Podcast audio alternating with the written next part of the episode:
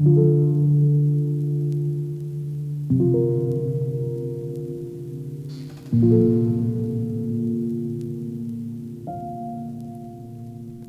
lyssnar på Parafraspoddens Mellansnack 2. Denna gång med Thomas Sjödin.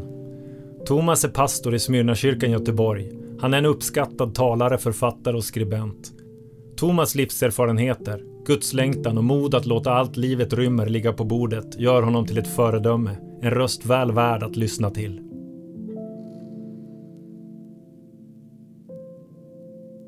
Hej Thomas och välkommen till Parafraspodden. Hej Rickard och tack för att jag får vara med. Ja, jättekul. Jag är så glad att få prata med dig om, om texten i Johannes evangeliet när Jesus kommer till lärjungarna som sitter inlåsta och eh, mötet med Thomas i den texten också. Eh, först undrar jag bara lite nyfiket, vad har den här texten för plats i ditt liv? Vad har du för relation till texten? Alltså, vi predikanter eh, säger ju ofta att vi har någon slags relation till alla texter, men, men det här är ju absolut en av de viktigaste för mig själv eh, av evangelietexterna. Den, den, eh, dels för att jag har så, alltså jag har så väldigt mycket ihop med denne Thomas, förutom namnet. Mm. Att vi ju faktiskt är, är namn och eh, Thomas betyder ju eh, inte som de flesta tror tvivlar utan det betyder ju tvilling.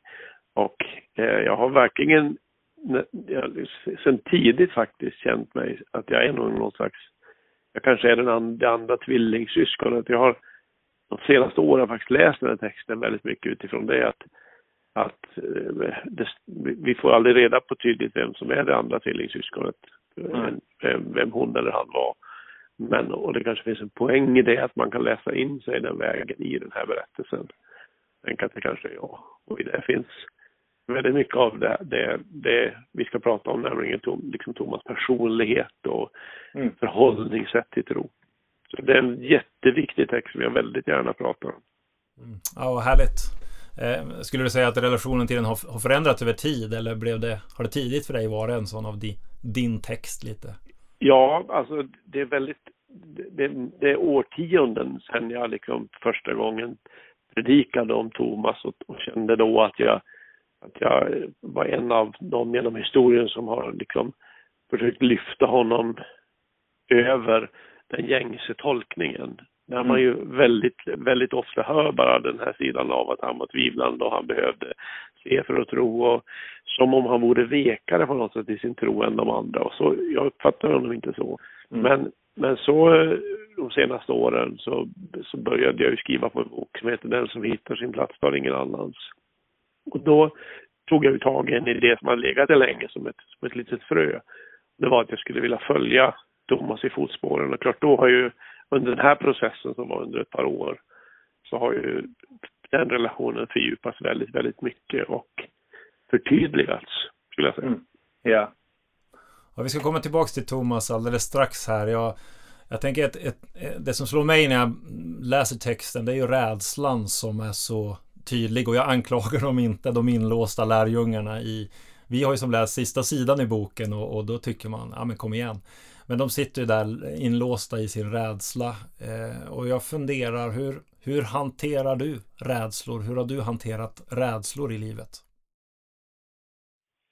Jag är ingen supertrygg typ i grunden. Alltså jag har i, hela mitt liv men också kanske under de senaste, i alla fall i vuxen ålder, man ska säga eh, efter 20-25 någonstans, eh, burit på mycket oro. Och, och, oro och rädsla är ju egentligen inte exakt samma sak men, men den, de är klart besläktade med varandra.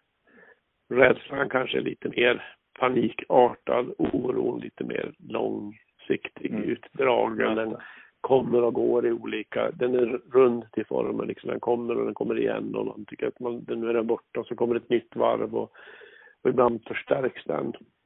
Mm. Eh, och jag har nog, jag har nog alltid tänkt lite grann på att det bästa sättet att hantera rädsla är att först erkänna att man är rädd. Att man måste få säga det. Och gärna få säga det till någon. Mm. Och ibland är man ju rädd för saker som man inte har någon att som man känner att man kan säga det till. Av olika skäl. Eh, och, och då, då, är, då, då, är, då är man ju aldrig vid vägs ände som kristen. Utan då kommer ju liksom en liten dimension av bönen fram, nämligen att, att det finns alltid en instans till och det är Gud. Att man får faktiskt, mm. och jag behöver göra det med min mun. Jag behöver, jag behöver uttala min, mina saker. Ja. Säga, säga att nu är jag rädd. Eller nu är jag orolig. Eller nu är jag förtvivlad. Och jag tycker någonting händer när man sätter ord på saker. Eh, och det oavsett om man gör det till människor eller till Gud så händer någonting med själva saken. Då. Mm. det är väl det första steget, ja, att ja. Ut, uttala, stå för sin rädsla och uttala den. Mm. Om jag eh, skulle försöka lyfta den här texten, för jag funderar just lite bildligt då dessa låsta dörrar de sitter bakom. Vad, vad tror du riskerar att bli våra låsta dörrar i livet? Vad, vad låser vi som människor in oss i? Vad är våra låsta dörrar? Det beror nog väldigt på hur, hur, liksom hur, ens, hur ens liv formades eller blev. Och det, så, att, så att de dörrar som är låsta för mig är förmodligen inte samma dörrar som är låsta för dig. Men det, det, det, det är sammanfattningen, tänker jag spontant nu, eh, utan jag tänkt igenom detta, att, det, att, de, att låsta dörrar är ju när man, när man så att säga slutar tro att det finns en möjlighet.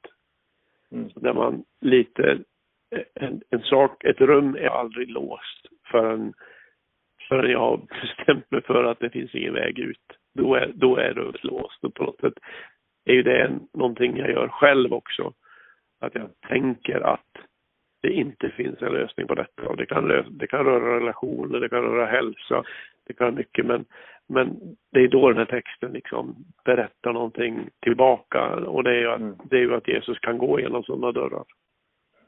Vilket ja. är det kristna mm. hoppet och kristna svaret på detta. Det är ju inte att en kristen är mindre rädd, utan en kristen kan hantera rädslan därför att vi tror att Jesus kan gå genom låsta dörrar. Mm, bra.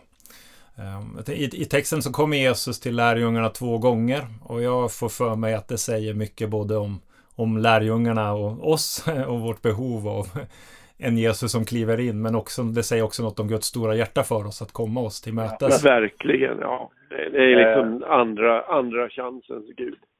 Ja. Det, är, det, det, är ju det är också det mest fantastiska med hela den här texten tycker jag, att den faktiskt på ett sätt kan man säga att den är rätt hopplös i första mötet för Thomas eftersom han inte har varit med.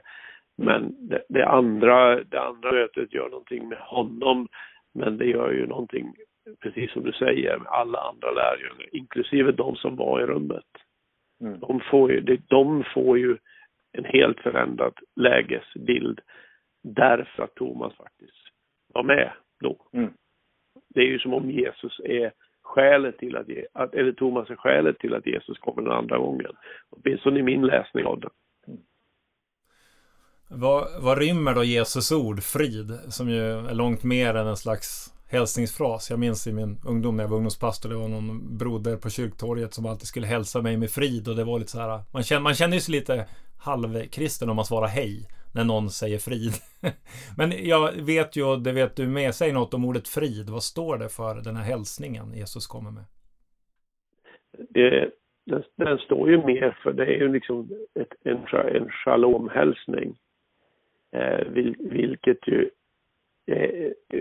är betyder, både, det är både fred och frid och någon, någon slags hälsning om att, att eh, när, där Jesus är där är på något sätt eh, saker i ordning. Alltså, även om det, man inte ser det just nu så där Jesus skriver in och säger frid så finns liksom hela möjligheten till att den friden ska omfatta allt som finns i rummet.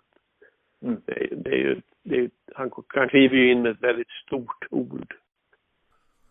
Hur upplever du Guds frid? inte alltid som en, käns som en känsla av att allting känns bra.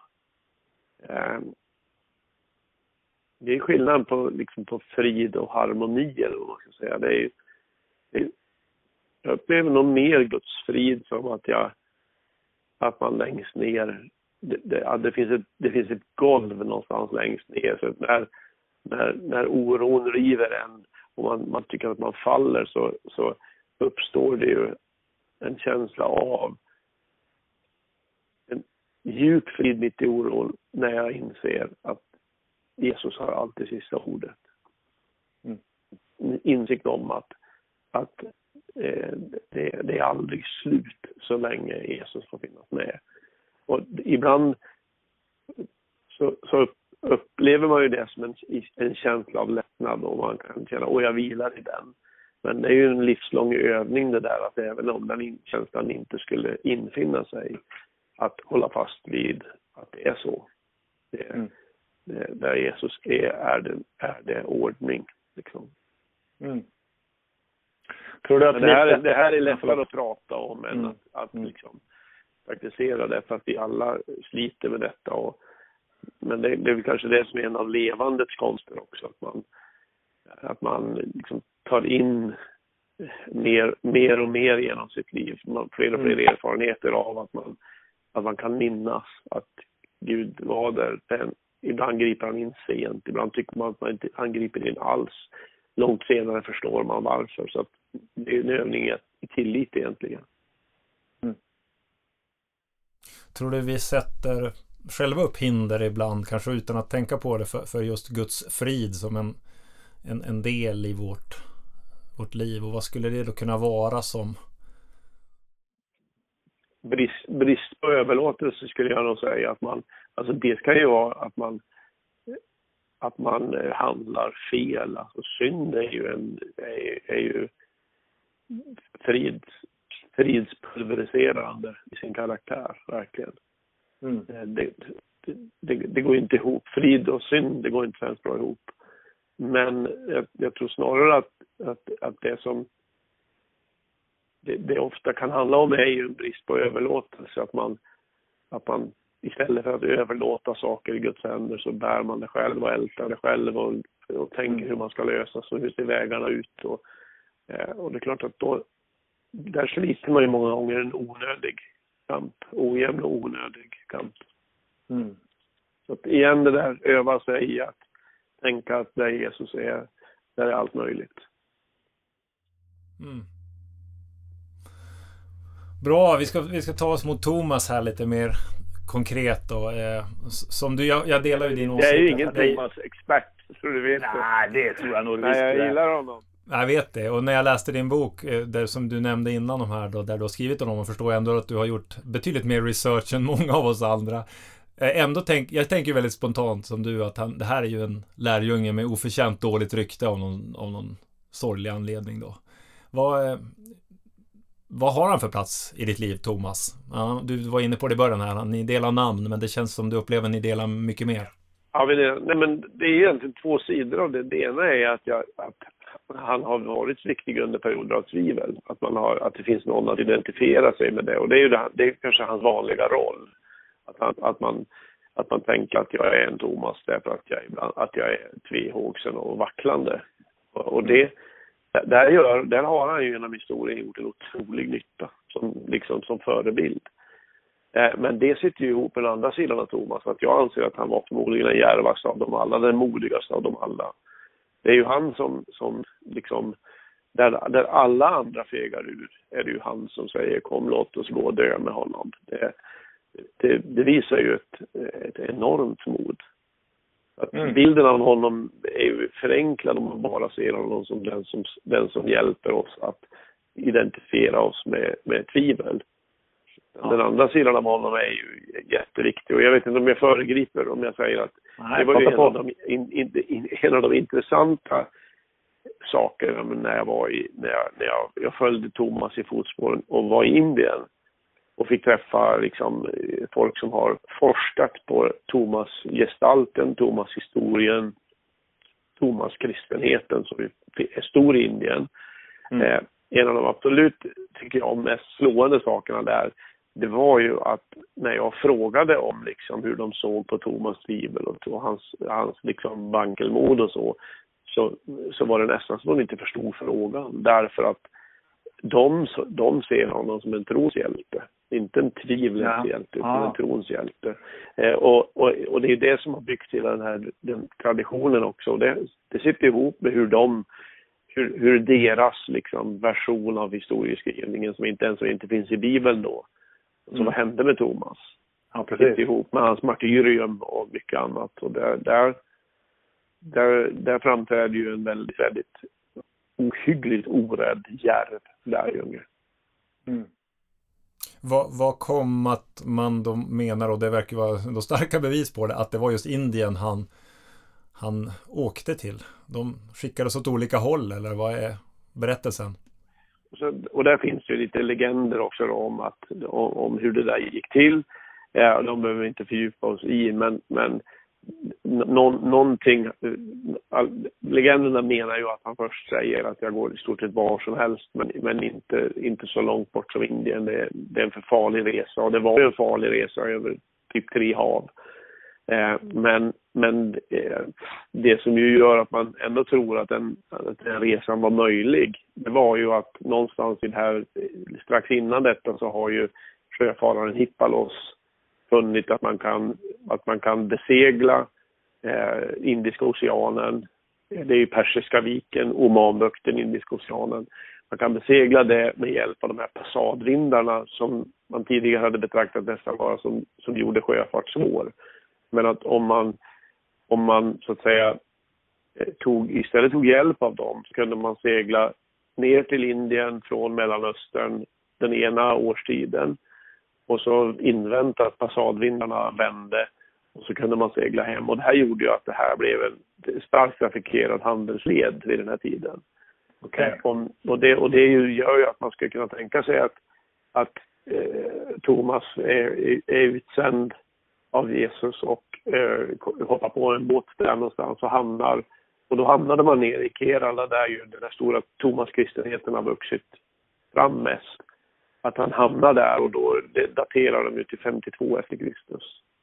Eh, och det, i, i indisk kristenhet är det en sanning som är i stort sett lika säker som att Jesus uppstod från de döda. Okay. Alltså det, finns, det finns inte en svajning i att han kom. Det, det är så stort för dem att han kom dit, han grundade de här församlingarna längs sin väg och att han dör martyrdöden på en kulle utanför Chennai med ett spjut, ett, ett, ett braminspjut eh, genom ryggen för att han förkunnar det som inte de vill att han ska förkunna. Mm.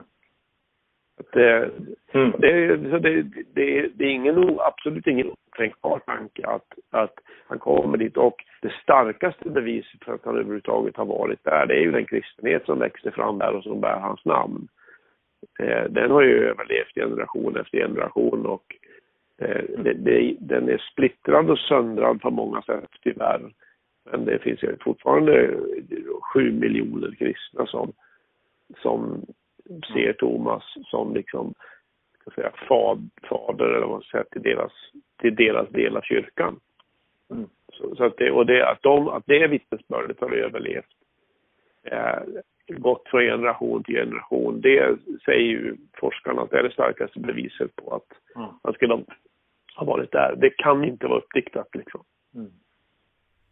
Det är ju en stor fråga nu då, men vad, vad, gjorde den resan med dig i relation, i din, i din tro efterföljelse och i relation till Thomas som lärjunge? Att, att gå, gå i hans fotspår? Ja, jättemycket. Men det, det var, alltså så här är det ju också att ibland, ibland skriver man för att få göra en resa. Alltså att det, det, det, här är en, det, det, här är den roliga delen av skrivandet. Det är ju researchen, att man får kasta sig in i saker och utforska och gräva i någonting. Och sen blir ju det ändå, när man sammanfattar det, sen blir ju det ganska, det blir, det blir på ett sätt ganska ytligt därför att och det har ju med min sätt, mitt sätt att skriva, att jag skriver för den läsekrets jag skriver för. Jag skriver ju inte teologisk litteratur eller undervisningslitteratur, utan jag, jag skriver ju berättelser för gemene man men, mm. men som alltid handlar om tro. Men, men det är klart den här resan, att få vara på resande fot så pass länge ändå och eh, möta människor, sitta och samtala om detta på ett ganska udda ämne. eh, komma till alla de här miljöerna. Vi var ju och besökte liksom de här platserna där man tror att Thomas grundade. Man tror att han grundade sju och en halv församling, vilket är intressant. Men det finns okay. no någonting halvt och ofullbordat med den ena där. Men vi besökte de kyrkorna där eh, och eh, var på de, de platser där man, ja, där man tror att han skulle ligga begravd. Eller, och, där, och, och där idag man är så stort en stor katedral så att säga över hans reliker och lite sånt. Det är ju många olika, det, är ju, det, det finns ju liksom olika grenar av religiositet här, allt från katoliker till, till, till olika indiska liksom kyrkgrenar till, till lutherska och, och frikyrkor som, som relaterar till Thomas. Men det är klart, man går in, man, en sån resa, den pågår ju sen för resten av ens liv. Det gör den. Jag, mm. jag för mig var det också ett väldigt spännande sätt att läsa liksom, bibeltexter, att man fick chansen att kasta sig in i den och så. Ja. Följa en människa i spåren så. Mm. Jag tänker att, att tro och tvivel är inte givet varandras motsatser. Det känns som en för enkel definition. Eh, vad skulle du säga är trons motsats? Otro. Vill du utveckla lite? Nej men tvivlet är en sparringpartner till tron. Alltså tvivel, tvivel djupaste funktionen med tvivel är ju att, att man ska blottlägga det som är sant skilja bort det som inte är sant. Och där, där är ju där är tvivlet en nödvändighet att, att, man, att man måste få hålla på med saker och testa och, och se eh, vad håller, vad håller inte. Eh, och det, och det här det är en jobbig process men den, den är ju nödvändig i, i allt. Det är som, det är som en prövningsprocess. Mm. Otron är ju mer att man väljer bort tron. Eh, och väljer att inte tro. Det, det, det, det är ödesdigert naturligtvis. Mm. Tvivlet är ju inte det så länge man, man också är beredd på att man kan faktiskt hitta någonting när man söker. Och då, då är ju alternativet att man kanske inte vacklar på den punkten resten av sitt liv utan då måste man följa Thomas i att han går från vacklandet till att högt och ljudligt säga min Herre och min Gud. Mm. Det är liksom, det är ju hans, det är slutprodukten av hans tvivel är ju inte fortsatt tvivel utan en starkare, tydligare tro kanske ja. mest, en, mest av allt en integrerad tro, att nu är det han själv som tror så här. Så jag är helt med dig mm. på att tro och tvivel inte är varandras motsatser. Och vad blev då tvivlets motsats? Ja, tvivlet har... Tvi, ja, det är, det, möjligen att... att eh, vad ska, alltså, jag söker efter ett, ett ord där, som att man Tvivlets motsats måste ju vara att man bara bestämmer sig för hur det är. Det inte, mm. ska säga, tvärsäkerhet eller självklarhet eller något sånt. Mm. Jag behöver inte ens undersöka det här därför att jag vet. Mm. Och så växer man ju inte på något område i livet. Mm. Det är så man stannar i växten. Mm. Jag fastnade bland annat för en i den här boken som du har skrivit då för ett, ett, ett, några år sedan här och den som hittar sin plats tar ingen annans. Där skriver du på ett ställe att tvivel består till 90% av ensamhet och 10% av motstridiga fakta. Var, varför är ensamheten en tvivlens växt, växtplats? Därför att så länge du går ensam det, är det jag säger liksom i början av vårt samtal också, att när man sätter ord på saker så händer någonting. Och, jag, och Thomas tvivel, om man tar honom som förebild, byggde nog väldigt mycket på att, att, att han faktiskt inte hade varit med. De andra hade ju det. De mm. hade en gemensam erfarenhet av det. De kunde prata med varandra om det. Han går omkring ensamhet. Och när han får, får se att det de, de andra redan har sett, nämligen att, det, att Jesus är uppstånden, eh, så tvivlar han inte längre. Så att, så att det, det motstridiga fakta, det möter vi ju allihopa genom livet. Alltså Bibeln, Bibeln innehåller en hel del motstridiga uppgifter eh, beroende på hur man läser den, men, men, men när gemene man läser den. Men det är ju inget, det är ju inget hinder för tron, utan problemet är snarare då att man blir, att man känner sig ensam, att jag förstår inte det här, jag kan inte ta till mig det. Eh, och glömmer att det kanske finns hundra till i den här församlingen som kämpar precis samma kamp. Men jag vet ju inte om det, för jag drar mig undan från dem. Mm. Det är där jag menar att, att tvivlet är till all, absolut sin största beståndsdel ensamhet. Mm.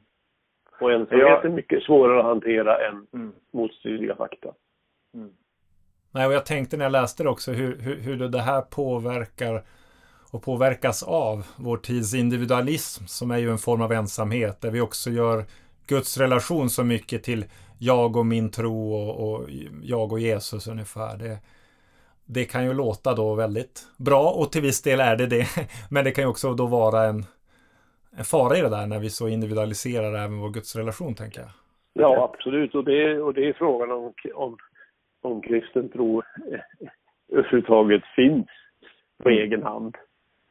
Eh, jag, jag, jag tänker mer och mer att, att um, tro är någonting vi gör tillsammans. Alltså vi tror på, på Gud. Och, och det är klart att man kan, man kan komma till tro i sin ensamhet, men det finns, det finns någonting i den ensamma tron som vill gemenskap ganska fort. Mm. om man, alltså, det, det, ser man ju när en människa kommer till tro. Eh, vi, jag, jag det särskilt till exempel bland människor som kommer från Iran, Irak, Afghanistan och så, med den kulturen. Och där, där man ju ofta kommer inte för att man vill bli frälst, utan för att man har blivit frälst i sin ensamhet. Jesus har sökt upp dem, visat sig för dem, i syner, uppenbarelser och drömmar. Och det som händer då, omedelbart, är ju att man börjar leta, finns det någon fler som varit med om det här? Alltså det, och det, det är en del av trons väsen. Den vill inte vara själv. Den delar detta med någon. Det är ju så kyrkan liksom uppstår också, att vi firar ju inte gudstjänst bara för att vi ska göra det, utan vi firar gudstjänst därför att en del av min tro är att jag vill uttrycka den tillsammans med andra. Mm. Ja, vad bra. Jag, jag har en sista fråga här och då funderar jag, vad, vad har över tid fördjupat din tro? Varför fortsätter du följa Jesus idag? Ja,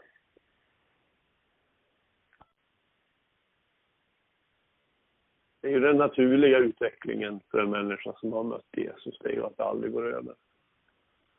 Alltså det är ju, det blir dyrt. Vårdar man den relationen och låter sig vårdas i den så blir ju det, en, det blir ju en djupare, det blir ju så mycket en del av ens egen identitet så att något, att inte följa Jesus är helt otänkbart. Jag har haft mina dubier ibland med kyrkan och det är ju alltid upp och ner och man tycker mm. man trivs inte alltid i sitt sammanhang och man tänker kanske ska gå någon annanstans och så. Det, det är ju en sak, men och jag har haft, jag har haft mina Tomaskamper med vår Herre med genom, genom tillvaron och, och slitit med min egen tro och min tillit och förtröstan och så, men, men det, det, det, det icke där består kärleken, att vi älskar utan att han har älskat oss. Och det är ju det som, det är det som gör att man fortsätter att följa det och att man dag för dag är älskad. Och att mm. den kärleken blir viktigare och viktigare ju längre det går, tiden går. Mm. Det är en livs... Ja. Kärleken till Kristus är en livslång historia. Ja. Och det är något vackert med det också. Mm. Jag hade lite liten avskedsstund för en diakonkollega som ska sluta här i sommar eh, igår här baksidan i våran trädgård jag hittade. Och då, i min egen bibelläsningsplan så var jag vid psalm 71 och då och så vackert formulerat där från den 17 versen i psalm 71. Gud från min ungdom har du fostrat mig och ännu förkunnar jag dina under. Överge mig inte, och Gud, när jag blir gammal och mitt hår har grånat. Låt mig förkunna din kraft för nya släkten med, med Eugene Petersons översättning så har han ja. någonting om att eh, det står att du, du tog mig när jag var ung. Jag, jag tycker det där var så vackert. Det är en, ja. det är en, det är en livslång historia. Ja. Jag tänker också det, det summerar ihop eh, tvillingen Thomas. Hans liv kanske inte blev superlångt och han blev så gråhårig men, men han märktes av, av nej, men han märktes av Jesus och det fick en enorm effekt och en, han var en, ett, ett redskap, en, en röst för Jesus där han for vidare. Mm. Tack Thomas för det här samtalet. Tack själv. Inspirerande att höra. Okej, okay. tack.